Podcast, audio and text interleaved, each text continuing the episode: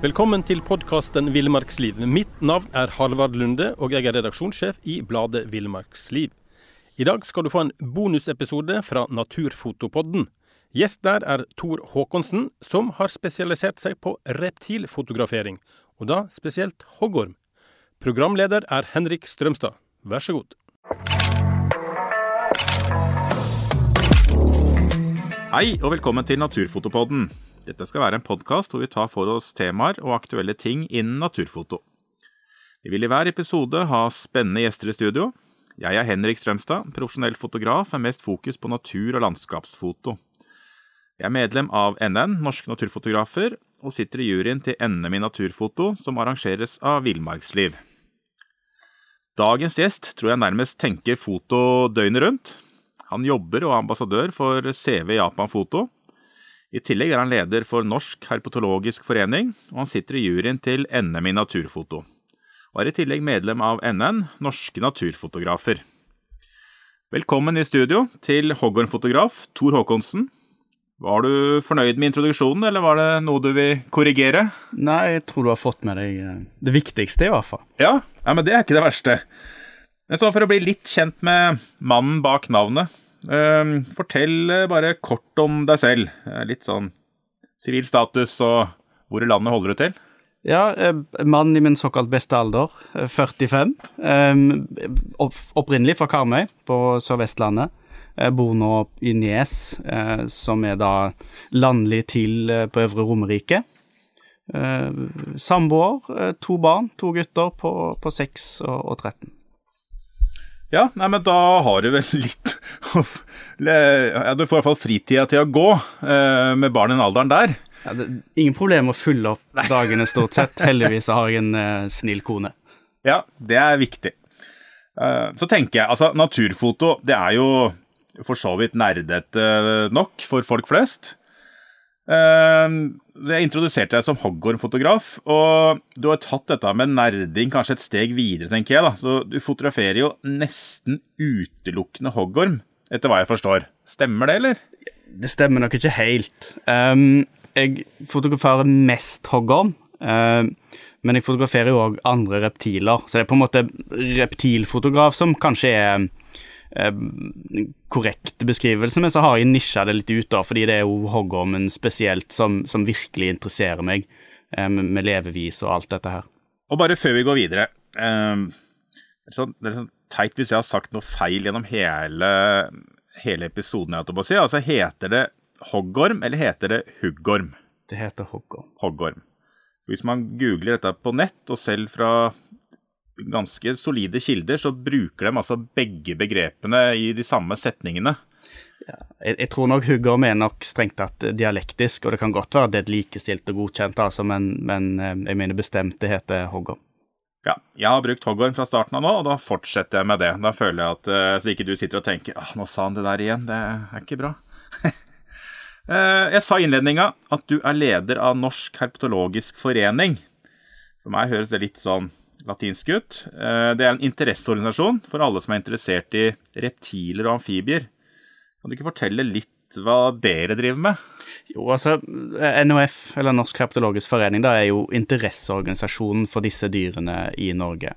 Um, og tradisjonelt sett så har dette vært en, en forening som har tatt vare på de som har disse dyrene som hobbydyr. Noe som jo har vært ulovlig siden 76 og ble lovlig, lovlig igjen i 2017. Så på en måte hovedoppgaven til foreningen har jo vært å jobbe for en legalisering. Eh, men vi har òg de siste årene i mye større grad snakka om å se på disse dyrene i naturen, da. Såkalt feltherpetologi. Så det er jo det jeg driver med, ute og, og studerer og ser på eh, disse dyrene i naturen. Eh, Så, så, vi, så vi har ro i statuttene våre at vi skal på en måte da jobbe for å bevare habitater og disse dyrene i Norge. Nå får du bladet Villmarksliv rett hjem i postkassa i tre måneder for kun 99 kroner. Send SMS VILL36 til 2205 og motta bladet allerede neste uke. Hiring for your small business? If you're not looking for professionals on LinkedIn, you're looking in the wrong place. That's like looking for your car keys in a fish tank. LinkedIn helps you hire professionals you can't find anywhere else, even those who aren't actively searching for a new job but might be open to the perfect role. In a given month, over 70% of LinkedIn users don't even visit other leading job sites. So start looking in the right place. With LinkedIn, you can hire professionals like a professional. Post your free job on linkedin.com/people slash people today. Ja, jeg tenker at Det må også være viktig, for det, det er jo ikke noe tvil om at veldig mange er jo redd for f.eks. hoggorm. Altså veldig respekt for det. altså det med, uh, Og mye av det vil jeg tro dreier seg om mangel på kunnskap. Uh, men jeg vet ikke hvor lett det er å nå ut da, til folk flest, kanskje, med den informasjonen. Vi er jo, vi er jo en, en, gjeng med særinger. altså Selv om vi innbiller oss at dette er verdens største hobby og er utrolig viktig for oss, så, så vi har ikke tusenvis av medlemmer og støttespillere på hvert et hjørne. men men det er ganske mange eh, likevel som driver med dette. Eh, men færre kanskje som driver med feltherpetologi, da. Eh, men de fleste som er interessert i dyr og natur, har jo en viss interesse for disse dyra. Og så nevnte du dette her med redd for og kunnskap, men, men nyere forskning viser jo at mm, frykten for slanger er jo noe som er, ligger litt latent, det er innbygd i oss, da. Så, så jeg har full forståelse for at folk kanskje ikke er um, overbegeistra for disse, disse dyrene, men, men, med litt kunnskap og litt informasjon så, så, kommer de aller fleste over den verste frykten, kan man vel si. Ja. men det er godt å håpe at det er um, håp også for sånne som meg, som er, er litt redd for disse her. Uh, vi, vi, kjenner hverandre litt. Uh, vi sitter jo begge i NM-juryen til NM i naturfoto. Uh, og jeg tenker jo litt om deg, som driver med foto av hoggorm. Altså tenker det er jo utrolig sært. Så tenker jeg det jeg driver med, er sikkert like sært. Men, men så har jeg lest meg litt opp, da. Um, og jeg tror kanskje det er feil info jeg har funnet, men det står iallfall at det finnes over 200 arter av hoggormfamilien. Men i Norge har vi bare én. Ja, det stemmer for så vidt det. Altså, I Norge har vi én hoggorm. Eh, så den har vi kalt hoggorm. Det er jo kjempelett. Og, det gjør det òg, når jeg snakker om dette her, så, så gjør det òg at folk ikke forstår helt um, omfanget. Det finnes, I dag så tror jeg det finnes rundt 300 forskjellige arter hoggorm. Uh, og, og, de finnes på alle kontinenter, med unntak av Australia. Der finnes det bare noen snoker som later som de er hoggorm. Uh, ser ut som en hoggorm. Eh, så, så, det er en eh, veldig utbredt eh, familie, da, som det strengt tatt er. Med, med, som sagt 300 arter, og de er alltid fra 30 cm til 3 meter lange. Ja, såpass. Og da Det lurer jeg litt på. Hvor svær kan en altså Hvis vi kaller det vår hoggorm bli, da. Uh, hvor, hvor store kan den bli? Nei, mm, der, der, finnes noe skriverier om sånn oppimot en meter, 95 centimeter, eh, men jeg har aldri sett noe god dokumentasjon på det. Så det største individene jeg har hørt om, er et par og 90, eh, men det er sånne ekstremtilfeller. Eh, og vanligvis er en hoggorm mye mindre enn folk innbiller seg. Eh, det er jo det jeg hører oftest, jo, men den var jo så liten, det må ha vært en baby. Men, men jeg tipper snitt lengden på en hoggorm er kanskje 45-50 cm. Ja. Eh, og de store hundene blir kanskje da 75 eh, men kan bli over 80, men det er uhyre sjelden de blir noe særlig større enn det. Ja, senest i går, eh, da var jeg faktisk i et bursdagsselskap, og da var det um, en som sa at de hadde møtt på en hoggorm på stien. Men det måtte ha vært en baby, for den var så liten. Eh, så mener jeg at eh, det er jo ikke babyer nå eh, på Gorm. Men jeg, jeg, jeg, sa ikke noe mer, jeg trodde at det var et voksent individ, da. Men, men du sier jeg tror kanskje folk tenker at de er svære. Meteren, liksom. Men, det, men rundt en halvmeter tenker jeg er mer normalen, da. Halv, halvmeteren er nok normalen. Men når du sier at det er ikke babyer nå, så er jo ikke det helt riktig det heller, strengt tatt. Fordi at de babyene som ble født i fjor, da, de kom ut fra dvalen på, på våren. Ja. Eh, og de vokser jo ikke spesielt fort, så de vil jo være like store på våren som de var når de gikk i dvale på høsten. Ja, ja. Så det er ikke sånn som i dyreverden ellers. Jeg tenker på sånn rådyr og sånn. Det er bare skjort, så er de nesten voksen størrelse bare på noen uker ikke sant, på løpet av sommeren. Ja, nei da, det tar et par, par, år før de ikke ser ut som babyer lenger. Ja. ja, så da var det mest kanskje en fjorårsunge, dette her, da. Eh, men når du kommer inn på dette med hoggorm altså Jeg har ikke noe problem med å skjønne fascinasjonen. Eh, men hvor kommer eh, interessen, altså naturfotointeressen? Er det interessen for reptiler som kom først, og så foto, eller er det fotograf først, og så det andre? Det, det, vet jeg ikke, skal jeg være helt ærlig. Altså, jeg har alltid vært ekstremt opptatt av dyr eh, og natur eh, fra jeg var bitte liten. Um, og, og, fotointeressen kom, eh, kom, strengt tatt med valgfag uh, en gang i åttende klasse på seint 80-tall. Uh, og så ble det jo, som de fleste når man går ut av ungdomsskolen og det er mye mer hormoner og alle mulige ting, så ble det lagt til sides ganske mange år før jeg tok det opp igjen på en måte når de digitale systemkameraene ble, ble mulig å kjøpe uten å måtte pantsette biler osv. Eh, så det ble tatt opp igjen da, eh, på 2005 eller noe sånt. Og da, da på en måte blussa egentlig begge interessene ordentlig opp igjen. Både dette med foto og, og dyr generelt, men da spesielt reptiler og, og hoggorm. Ja. Det går litt hånd i hånd, altså interessen for det med naturen, og så dokumentere og vise og øh, og fordi Det som også er spennende med de bildene jeg ser at du har tatt, da, at uh, en hoggorm det finnes jo utall av farger og varianter. Altså, Jeg trodde den var sånn gråaktig med sånn sikksakk-mønster på ryggen, og det er ikke gitt, skjønner jeg. Nei, det har jeg jo brukt veldig mye tid på de siste årene, å dokumentere den store variasjonen i, i både farge og mønster hos, hos våre norske hoggorm, da som, som, tradisjonelt sett så er, er jo hoggorm en sånn liten sånn brunaktig sak med svart sikksakk, og så bare forsvinner den i lyggen før du egentlig får sett ordentlig på den.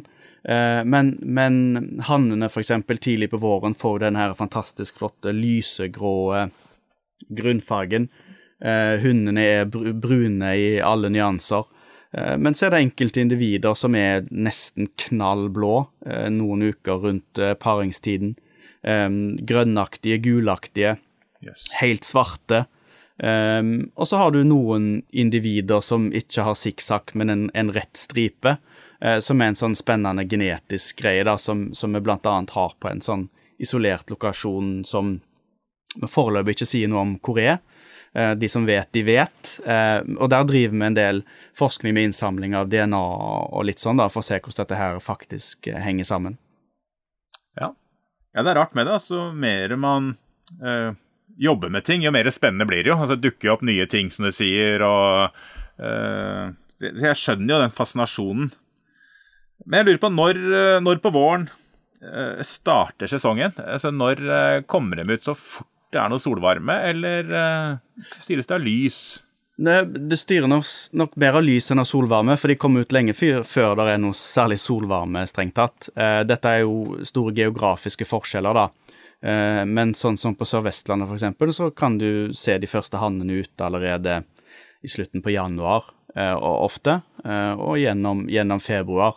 Men sånn veldig generelt så kan du si at hannene kommer ut i begynnelsen på midten på mars. Over hele landet så er de stort sett ute da. Ehm, men da er det jo da er det kun de spesielt interesserte som, som er ute og, og ser etter kan du vel trygt si. Um, for vi finner jo da ute, selv om det har vært åtte minus på natta og det er overskya lett yr i, i lufta, uh, så vil du finne hoggorm som ligger ute. Og, um, og, det de gjør da, de ligger og venter på hundene og, og ligger og, og modner sædcellene klar for paringstida om, om en måned etter det igjen. Så, så, allerede fra midten på mars kan man gå ut og, og se etter de, og, og, fordelen med det været som ofte er da, at det er kaldt, da er det lite aktivitet, de ligger ro, og det er lett å på en måte snike seg inn på de og, og fotografere de som de ligger uforstyrra, da. Ja, for det er ikke særlig fart i dem på den når det er så kjølig? Nei, når det er to-tre grader, så er det ikke spesielt mye fart i de, for de er jo, de er jo avhengig av um, ytre, påvirk, altså ytre varme da, for, ja. å, for å få, opp kroppstemperaturen og kunne bevege seg noe særlig. Men, men, de tåler overraskende lave temperaturer og kan være i aktivitet selv om det er ganske kaldt, altså. Du sier, for da, da ligger de der ute og, og, har begynt å vente på hundene allerede. Eh, så paringstiden er forholdsvis tidlig på våren, eller? Ja, det går rundt en måned, da, så, så paringstiden pleier da å være igjen litt sånn geografiske forskjeller, men midt april til første uka i mai foregår paringstiden. Eh, og det er jo ja. da det er mest aktivitet på de.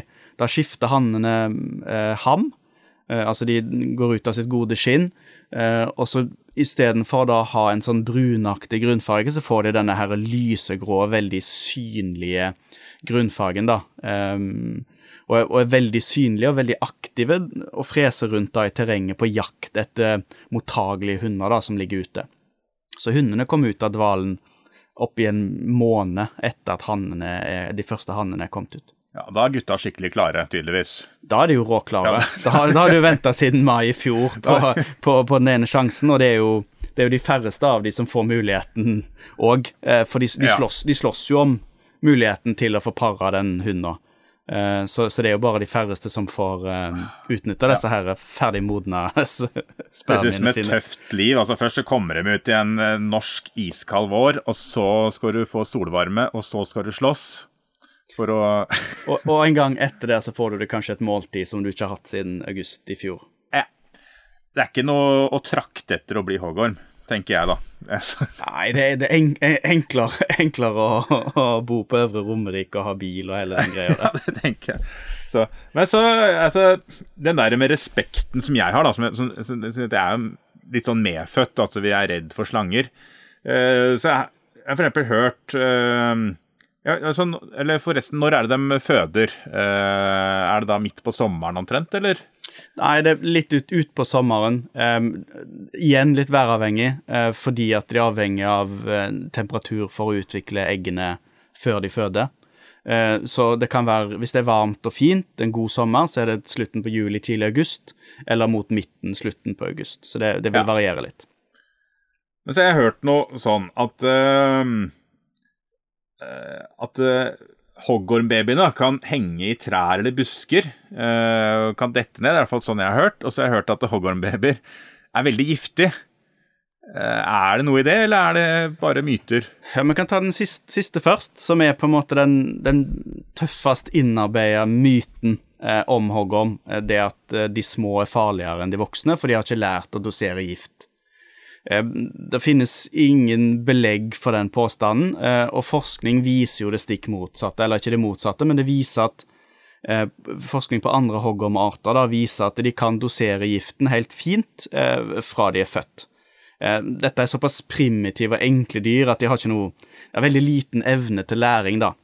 Så, så um, en liten hoggorm vil alltid potensielt være mindre farlig enn en stor, fordi at um, denne giften de har, den er lagra i noen giftkjertler, og disse vokser med størrelsen på ormen. Ja. Uh, så det betyr at en større orm har alltid potensielt da, mer gift, og det er mengden gift som avgjør hvilken reaksjon i hovedsak du får. Så, så en stor og voksen hoggorm vil alltid potensielt være farligere enn en liten. Ja. Uh, også dette med trærne. Um, jeg kjenner ikke igjen den myten du beskriver her, men, men den som jeg har hørt, er jo at um, gravide hunder klatrer opp i trær for å føde fordi at de er redd for å bli bitt av eget avkom. Um, og det er bare en myte. Det kan godt være at det er observert at en um, gravid hund eller en hund har ligget et tre år, kanskje den til og med har født fra et tre, men da det er bare tilfeldigheter. Eh, stort sett så, så, føder de liggende på bakken, og, og, disse ungene kommer ploppende ut, og da er de jo òg inni en sånn hinne umiddelbart, så, så, de har jo ikke muligheten til å bite før de, før de kommer seg ut av det. Ja. Nei, men da er det avklart. Men det som det ikke er noe tvil om, tenker jeg, er jo Eller det er jo at uh, hoggorm er giftig. Uh, og jeg lurer jo også på uh, Har du blitt bitt noen gang? Hoggorm er giftig, ja. Eh, og jeg har vært uheldig, eller skråstrek dum, en gang og, og, og, fått et bitt, ja. Eh, og det gikk um, forholdsvis greit. Jeg fikk en, um, en OK dose gift og fikk en saftig hevelse da ifra fingrene ble bitt, og så opp til skulderen omtrent. Men, men, ikke noe utover det, så sånn sett så var jeg nok ganske heldig når du først får gift i deg, da. Eh, for, for, potensielt så kan dette være eh, rimelig skummelt. Eh, med blodutredelser, eh, hodepine, kvalme. Eh, du kan få problemer med nyrer i verste fall, og, og, og, en ting som vi ser eller observerer av og til, da, er blodtrykksfall med bitt fra hoggorm. Men hva, hva, tenker du hvis man skulle bli bitt, da, hvis du er ute i, i skogen? Hva skal man gjøre? Skal man bare sette seg ned og ringe til hjelp, eller skal man løpe hjem, eller? Eh, personlig så ville jeg, jeg ville tatt det rolig. Det, det, er det viktigste eh, for å sørge for at denne giften da ikke får en raskere vei rundt i blodomløpet. Eh, så ta det rolig, og så ville jeg begynt sakte å bevege meg hjemover. Og, og da etter hvert se an om du får hev, raskt økende hevelse. For det er et det er dårlig tegn hvis disse hevelsene kommer superfort. da. Eh, og begynner du kanskje å bli litt svimmel og kanskje får behov for å legge deg ned og hvile litt, litt trøtt, eh, da skal du ringe og be om umiddelbart om hjelp. Ja. Eh, for da, da, er det blodtrykksfall som er på vei, og det er du ute i skauen og tidlig på våren så kan det være kalde netter osv., så, videre, så det, det på en måte Da begynner det å bli farlig. Ja. Nei, altså ja, man, man, hører jo, har hørt en del sånne skrekkhistorier, og, men man skal i hvert fall ha veldig respekt for, i hvert fall hvis du har blitt bitt, uh, ta forhåndsregler, som du sier. Ta det med ro. Uh, og føler deg det går lenger, altså ringe til hjelp. Uh, ja da, absolutt. Det skal jo sies at det er i de færreste tilfellene det får alvorlige konsekvenser, men, men man skal ikke ta for lett på det å og jogge videre opp på den fjelltoppen, f.eks. det, det, det er en utrolig dårlig idé, da. ja. Så, men hvordan som sagt, Jeg nevnte i stad, jeg har sett mange av bildene dine. Eh, fascinerende stort spenn i farger og mønster. Eh, og de kan vel forveksles med andre. Vi har jo tre slangearter i Norge. Altså buorm og slettsnok. Det er vel jeg veit ikke, sånn som jeg eh, ser det, kanskje buorm som kan forveksles lettest med hoggorm, eller? Ja, den som nok blir oftest forvekslet, eller er likest, er nok slettsnoken. Eh, men den har jo en veldig begrensa utbredelse og et levevis som gjør at det er veldig få som egentlig ser den. Det som oftest kommer over, er folk som forveksler en melanistisk, altså da sorte individer av eh, hoggorm og buorm. Um, men, men buormen har jo en, en rund pupill, eh, men det er et utrolig dårlig kjennetegn hvis du er redd og ikke har lyst til å gå nærmere, selvfølgelig. eh, men undersiden på en sånn svart buorm, den vil nesten alltid ha beholdt denne her sjakkbrettmønsteret som buormen har på undersiden. Eh, I tillegg, så hvis du har et bilde og kan zoome inn på hodet, eh, så vil du kunne se det der òg, fordi at buormen den har syv store skjell oppå hodet, mens hoggormen har mange små. Eh, også når det kommer til slettsnok og hoggorm, da, så har de en forholdsvis lik grunnfarge ofte, litt sånn brunlig. Og så har slettsnoken noe som kan se ut som et sånn sikksakk-mønster på ryggen. Eh, men det er ikke et sikksakk, det er to prikker på hver side av ryggen, da, på en måte, som ja, ja. på litt sånn avstand og i bevegelse, men, men den har ikke en sikksakk, da. Eh, den har to prikker på hver side eh, som, som, som, kan ligne litt. Så hvis den ligger i ro, så er det forholdsvis enkelt å se, spesielt på bildet, da. Ja. Men det sikreste kjennetegn på at det er en hoggorm, hva vil du si at det er? Altså hvis du står på avstand, sånn som jeg ville gjort? som regel så er det jo da den ganske tydelige sikksakken ja. på ryggen. Um, og, og, hvis du har kikkert eller har et kamera du kan liksom ta bilde av og komme litt nærmere, så har jo hoggormen en, en sånn kattepupill, om du vil, nå får du bladet Villmarksliv rett hjem i postkassa i tre måneder for kun 99 kroner. Send SMS VILL36 til 2205 og motta bladet allerede neste uke. Hey, I'm Ryan Reynolds. At Mint Mobile, we like to do the opposite of Big Wireless does. They charge you a lot, we charge you a little. So naturally, when they announced they'd be raising their prices due to inflation, we decided to deflate our prices due to not hating you. That's right. We're cutting the price of Mint Unlimited from $30 a month to just $15 a month. Give it a try at mintmobile.com slash switch. $45 up front for three months plus taxes and fees. Promo rate for new customers for limited time. Unlimited more than 40 gigabytes per month. Slows. Full terms at mintmobile.com.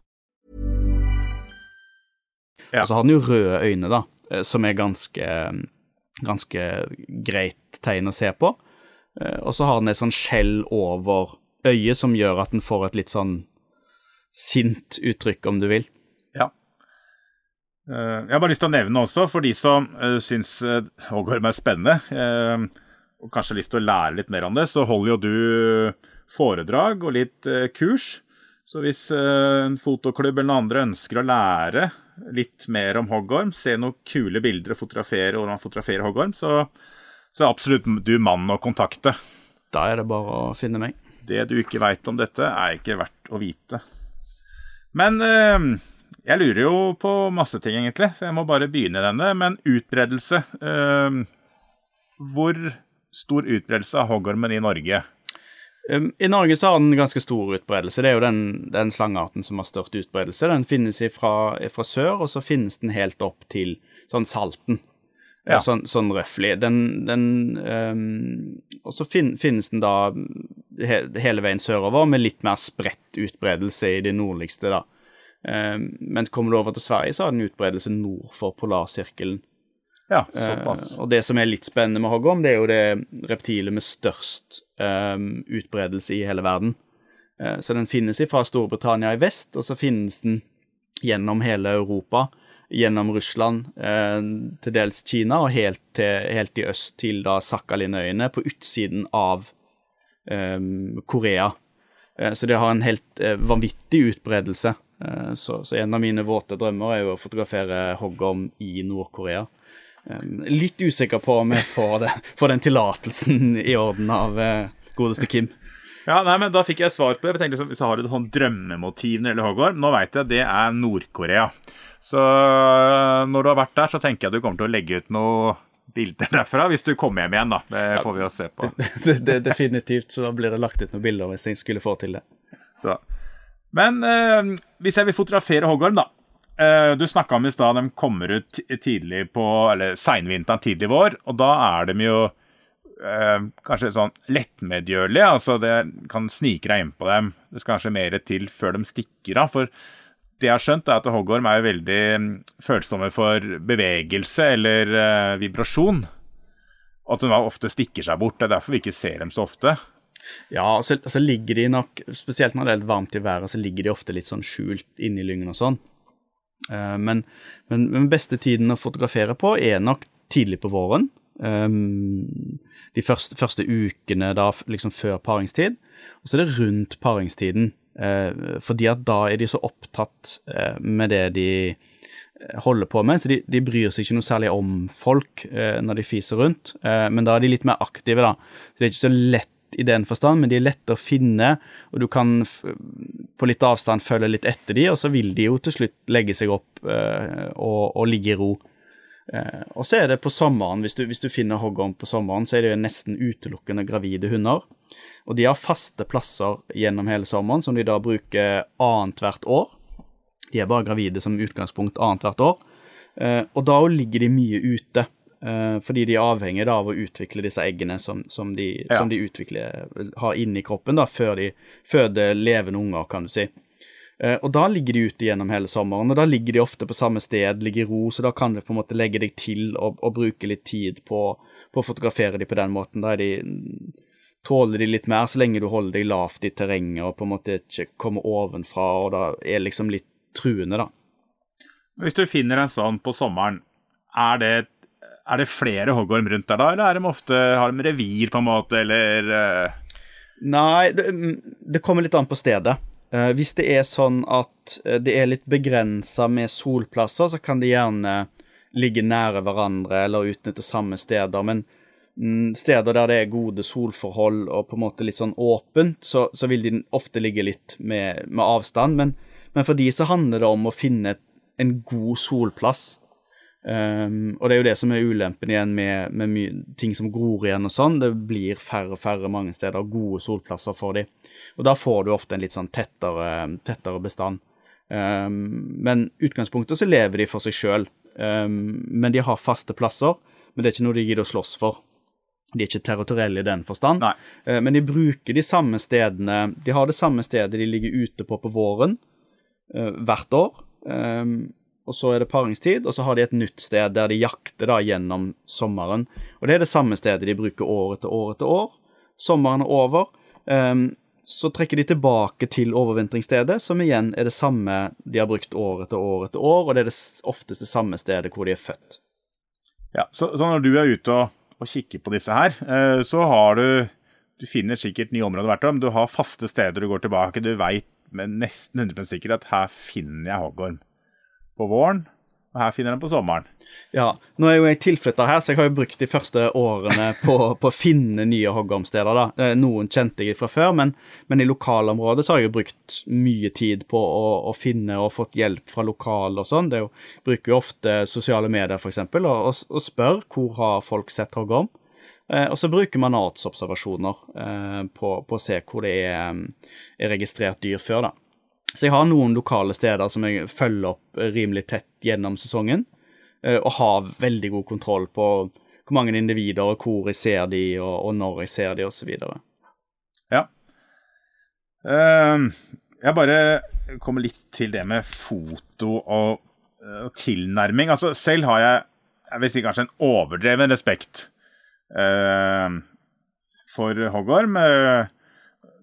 Det skyldes kanskje litt mangel på kunnskap, men også sånn Det ligger litt i ryggraden min. Jeg syns dette her er skumle saker. Eh, Så de gangene jeg har gått på hoggorm når jeg er i skogen Jeg har alltid med fotoutstyr når jeg er ute. så har jeg fotografert med en eh, 400 mm, jeg da.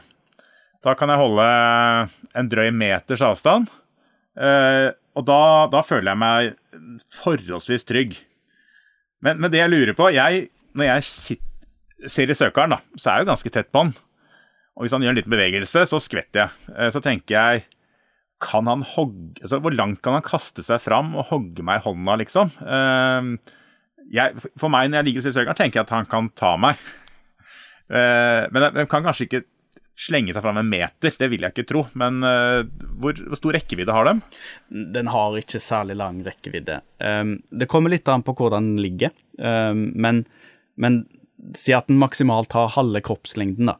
Så når jeg snakker om at en gjennomsnittlig hogger med 50 cm, så hogger den ikke noe særlig lenger enn 25 cm. Um, og så vil den som regel, med mindre du kommer sånn veldig eh, plutselig på den, eh, så, vil den gi beskjed, eller du vil Vi har studert de litt, da, så, så vil du skjønne når den er lei av deg, for å si det sånn. Eh, og de lager jo mye lyd. Eh, når du ligger og fotograferer de da, så lenge du på en måte da ikke tar på de, skal det Med de fleste individer skal det veldig mye til eh, for at de hogger. Eh, så jeg fotograferer en del nærmere som regel enn enn med din 400 og godt og vel. Ja, det, det vil jeg tro. Så, for det er jo det neste jeg lurer på. Hva slags utstyr bruker du? Altså, Jeg syns det ser ut som du bruker vidvinkel på noen av bildene dine. Tenker jeg, Han må være gæren.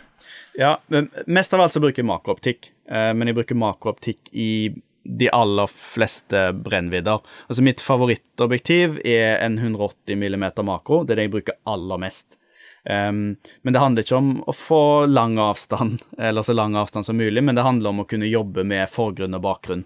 Ja. Um, det er veldig viktig for meg, eh, samtidig som jeg vet at all makrooptikk, eh, og da, da snakker vi om ekte makrooptikk, altså eh, som har 1-1 eller 1-2 forstørrelse. Det man vet med makrooptikk, uansett hvilken, hvem som produserer det, om det er originaloptikk fra Nikon eller Can, eller om det er Sigma eller Tamron, du vet at det er skarp optikk. Eh, og så vet du òg at i motsetning til et zoomobjektiv, som, som alltid vil være, ha noen kompromisser, da, eh, blant annet det skarpeste i midten, ikke sant, og så må du blende ganske mye ned, i tillegg til at det ikke er skarpt i hele bildeflaten. Mens et makroobjektiv i planet, så er det alltid pinnskarpt i hele bildeflaten, eh, sånn at jeg på en måte vet at jeg får skarpe, skarpe bilder. Ja. Så, så, men jeg bruker makroobjektiv fra 15 mm og opp til 180, da. Og trenger noen ganger, spesielt i utlandet, så trenger jeg litt mer arbeidsavstand, og da blir det 180 mm med, med en telekonverter på. Ja. Men når du eh, Jeg ser jo bilder av hoggorm som ligger sånn fint sammenkveila. Eh, og for meg også eh, står de med litt hode opp, og du ser litt tunge på bildene der og sånn.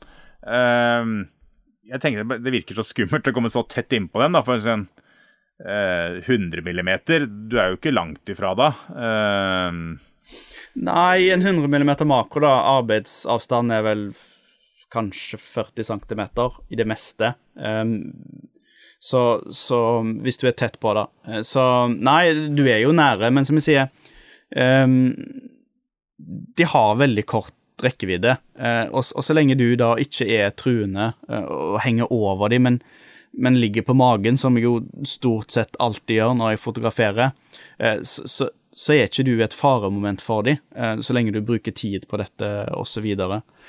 så jeg er aldri bekymra for det, egentlig, eh, på, på norsk hoggorm.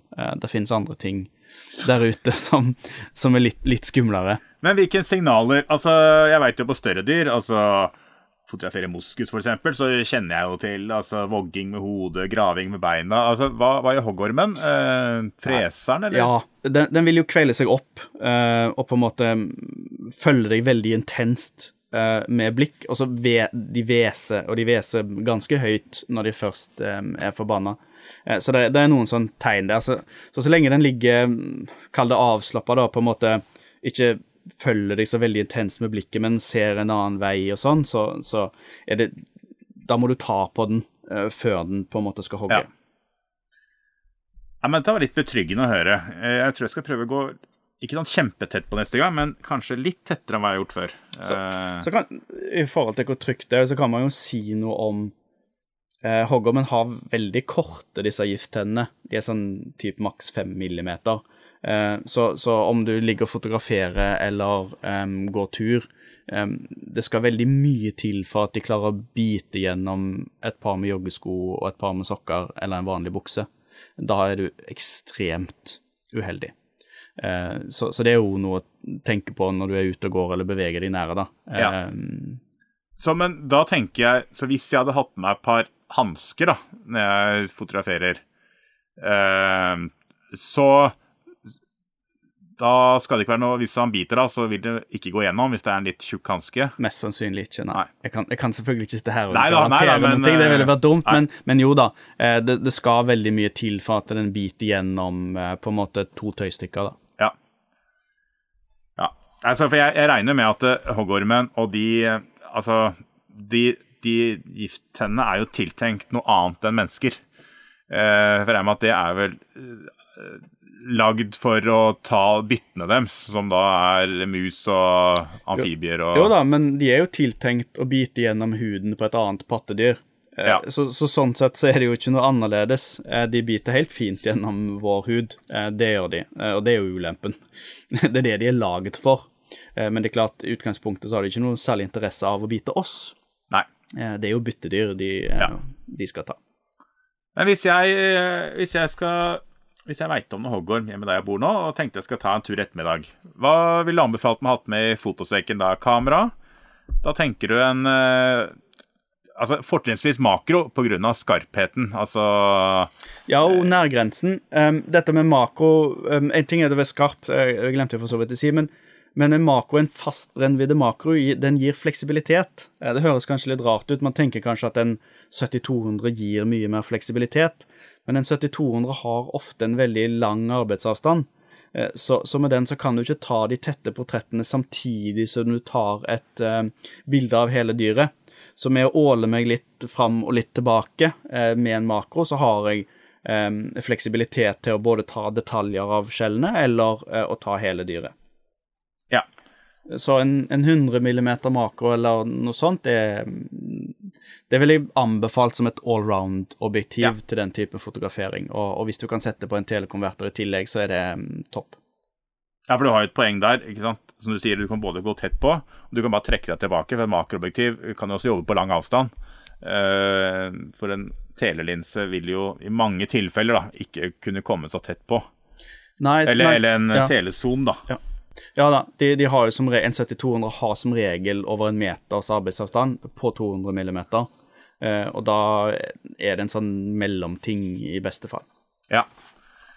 Uh, ja, du sier jo, uh, du nevnte her i stad, du er innflytter til uh, Østlandet.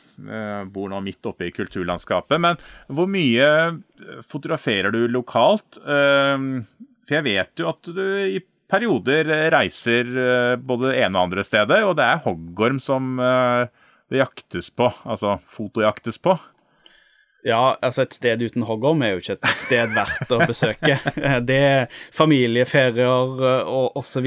blir jo planlagt etter om det finnes en eller annen art av hoggorm der. Um, men, men det, det, går helt fint. Man plasserer frue og, barn med bassenget på den lokale lokale, lokale bamseklubben, eh, og så drar man ut i, ut i eh, periferien sjøl. Men jeg fotograferer mye lokalt, selvfølgelig, um, her i distriktet, og, og, bruker liksom store deler av våren spesielt på det. da, altså. Og så er det det helt lokale hoggormstedet mitt som jeg følger opp gjennom sommeren i tillegg. Uh, nå er det jo noen år siden man har fått reist litt, men, men, men det er jo, som jeg sa, det, det finnes 300 arter. og et, et, vårt mål er jo selvfølgelig å få sett så mange som mulig av de um, etter hvert, men Eh, så jeg får håpe det man kan få til noen turer utover eh, høsten igjen, i hvert fall. Eh, og da er det masse steder i Europa som er kjempebra hvis man vil fotografere hoggorm, eller Afrika, Sør-Amerika. Asia er jo helt fantastisk, så all, alle muligheter. Ja. Vi snakka litt sånn om utbredelse i stad. Høyde over havet, altså er det hoggorm på Snaufjellet?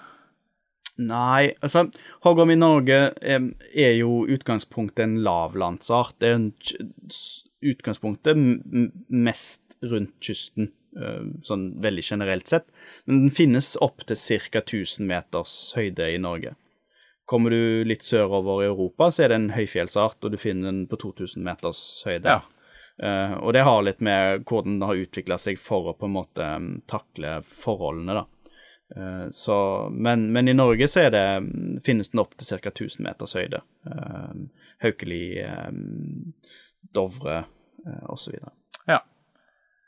For du, du, nevnte Vi vil gå litt tilbake til det lokale. Altså, for du har noen lokale plasser. Er det sånn gangavstand fra der du bor, liksom? Er det så tett på ja, jeg, jeg, bor jo på et byggefelt eh, midt i ingenting. Eh, og der har jeg en eh, Hvis jeg går hjemmefra, så er det en eh, tre kilometer å gå. Eh, som regel så, så, er jeg såpass lat at jeg hiver meg i bilen, og så kjører jeg innover en skogsvei, og så har jeg en liten kilometer å gå på det, liksom det gromstedet, da. Ja. Eh, men, men, rundt om i distriktet er det jo masse gode hoggormsteder som du kan velte ut av bilen i Oslo og kikke på, og gå 200 meter.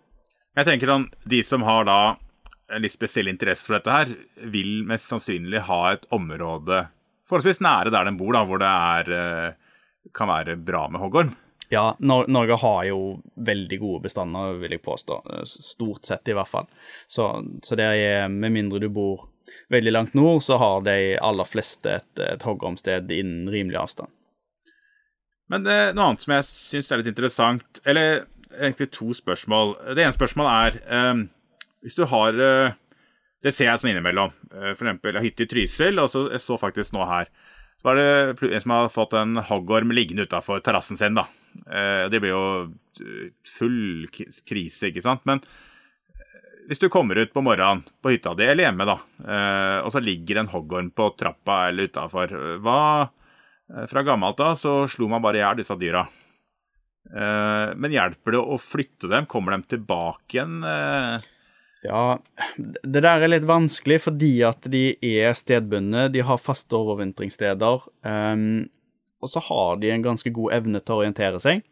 Det betyr at uh, å flytte den en kort avstand um, Da kommer den jo som regel tilbake hvis du flytter den fra et sted der den har tilhørighet, eller ønsker å være, da. Og flytter du den for langt, eh, så er det som vil skje, den vil da begynne å vandre tilbake. Eh, den vil ikke finne mat, eh, og den vil da mest sannsynlig heller ikke finne noe sted å overvintre når vinteren kommer, så da, da dør den. Men på den annen side så kan man jo nesten ikke, hvis man har barn og dyr osv., så, videre, så kan man jo nesten ikke ha hoggorm på terrassen. Det skjønner til og med jeg. Ja. um, så, så, det er en del av de tingene jeg gjør gjennom et år, er at jeg er ute og hjelper folk å omplassere dyr. Og da har jeg noen faste steder. Um, men vi har ennå ikke noen gode data på hvordan godt dette her fungerer. Så handler det litt om når du ser denne hoggormen. Er det liksom i april? Eh, så er det stor sannsynligheten for at den er bare på gjennomreise, og flytter den et par hundre meter eller la den være til neste dag, så er den mest sannsynlig borte. Um, så, så, det er sånne ting vi eh, og foreningen er behjelpelige med, da. Um, med å flytte på en, en fornuftig måte. Uh, ja. for, du, for, du, kan ikke bare kjøre de to mil unna, og så da, da, kan du nesten like så godt ta livet av den, hvis du ja. ikke gjør det på en ordentlig måte.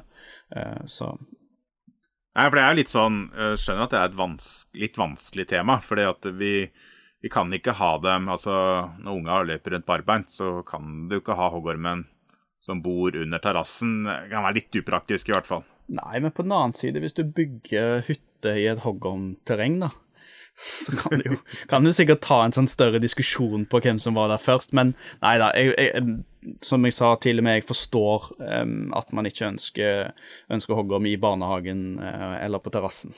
Ja.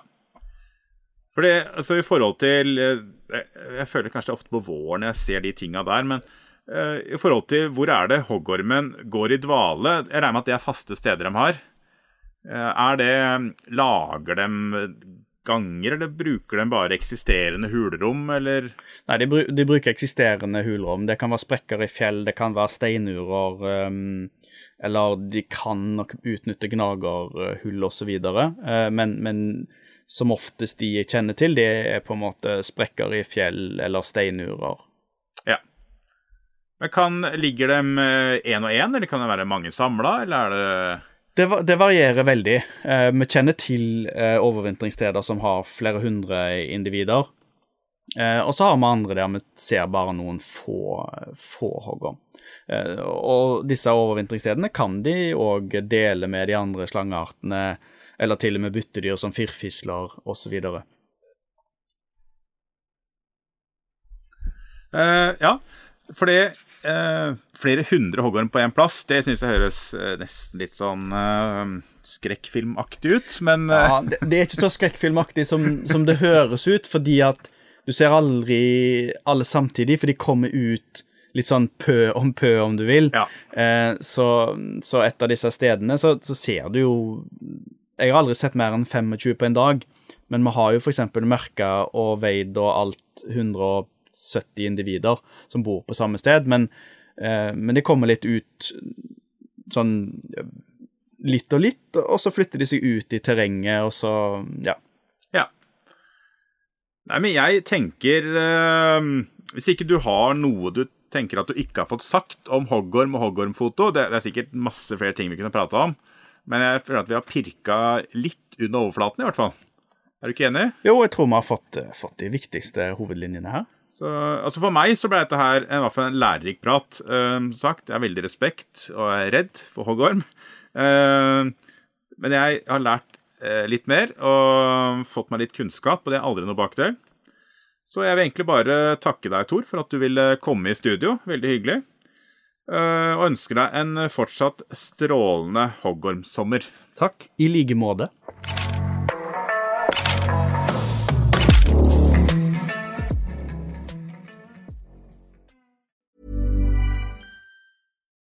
Nå får du bladet Villmarksliv rett hjem i postkassa i tre måneder for kun 99 kroner. I Villmarksliv kan du lese om norsk natur, ærlige tester av klær og utstyr, og mange gode turtips skrevet av erfarne friluftsfolk, fiskere og jegere. Send SMS VILL36 til 2205 og motta bladet allerede neste uke. Lev livet villere med bladet Villmarksliv. Planning for your next trip?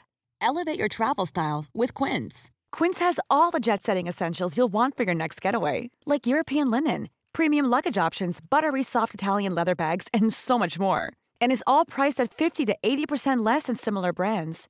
Plus, Quince only works with factories that use safe and ethical manufacturing practices. Pack your bags with high-quality essentials you'll be wearing for vacations to come with Quince. Go to quince.com slash pack for free shipping and 365-day returns. Imagine the softest sheets you've ever felt. Now imagine them getting even softer over time. That's what you'll feel with Bowl and Branch's organic cotton sheets. In a recent customer survey, 96% replied that Bowl and Branch sheets get softer with every wash. Start getting your best night's sleep in these sheets that get softer and softer for years to come. Try their sheets with a 30-night guarantee. Plus, get 15% off your first order at bowlandbranch.com. Code BUTTERY. Exclusions apply. See site for details.